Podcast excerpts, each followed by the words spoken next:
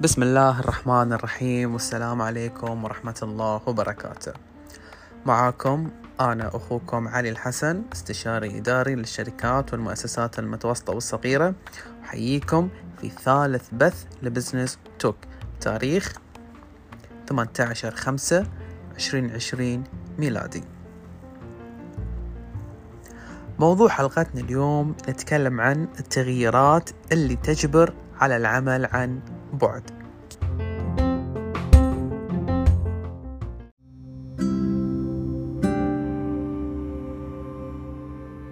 أحيان يكون التغيير شاسع ومثير للاضطراب بحيث أنه يصعب تحديد الكوارث من الفرص أزمة فيروس كورونا فرصة لكثير من الأعمال التجارية اللي حولوا التجارة العمودية إلى تجارة أفقية واللي يمكن العميل من أن يقوم بعملية الشراء والتبضع واختيار سواء الألوان أو القياسات أو حتى الأحجام بنفسه من غير الرجوع إلى موظف هذه الشركة. ويتم توصيل الطلب إليه لحد باب منزله. وأضيف إلى ذلك دفع المبلغ للبضائع يكون أيضا عن طريق الموقع الإلكتروني المصاحب له.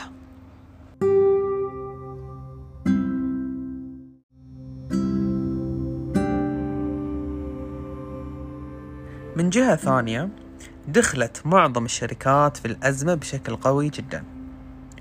وبما أن التوظيف كان مزدهر وكانت أغلب الطلبيات ممتلئة إلا أن لسوء الحظ وجدت هذه الشركات نفسها في هاوية اقتصادية محتضرة وبالتالي هناك حظر كبير من عملية التسريح والإجازات وتقدر نسبة القوة العاملة العالمية حوالي 1.25 مليار عامل أي 38% تقريبا. ومع ذلك بدأ بعض الرؤساء التنفيذيون والاستراتيجيون في الشركات إنهم يرسمون الخطط للتطلع إلى عالم ما بعد الطمع القادم كما يذكرونه.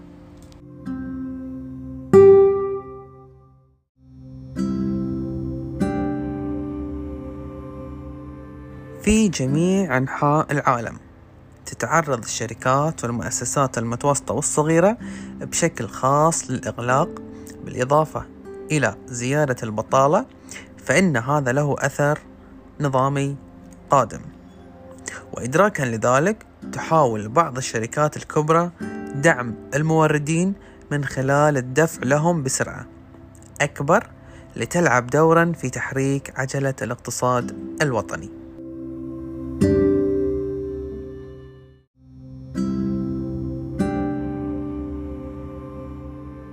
تبين لنا هذه الأزمة أن هناك درس واحد يستخلصه الناس من الوباء إلا وهو أن هناك مصدرا واحدا موجودا وهناك تنوع. أي بمعنى؟ أنه يمكن التنوع في اختيار الموردين حتى إذا أدى ذلك إلى زيادة التكليف وتقليل الكفاءة.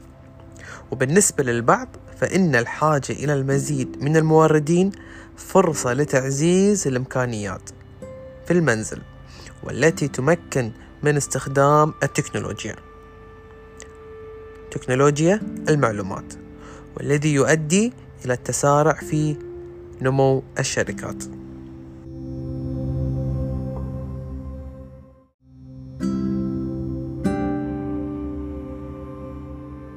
ومع عودة العالم إلى أقدامه ستتمكن الشركات الكبرى من الوصول بشكل أفضل إلى أسواق رأس المال.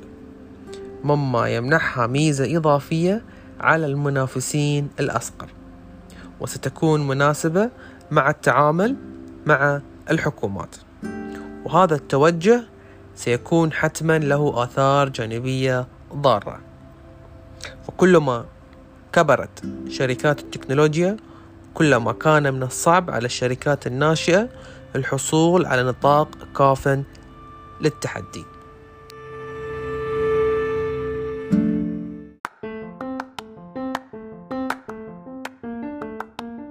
وبكذي غطيت حلقتي الثالثة. أشكركم لحسن استماعكم وأتمنى لكم دوام الصحة والعافية. انتظروني في الحلقة الرابعة من الفصل الأول من بث بزنس توك أخوكم علي الحسن.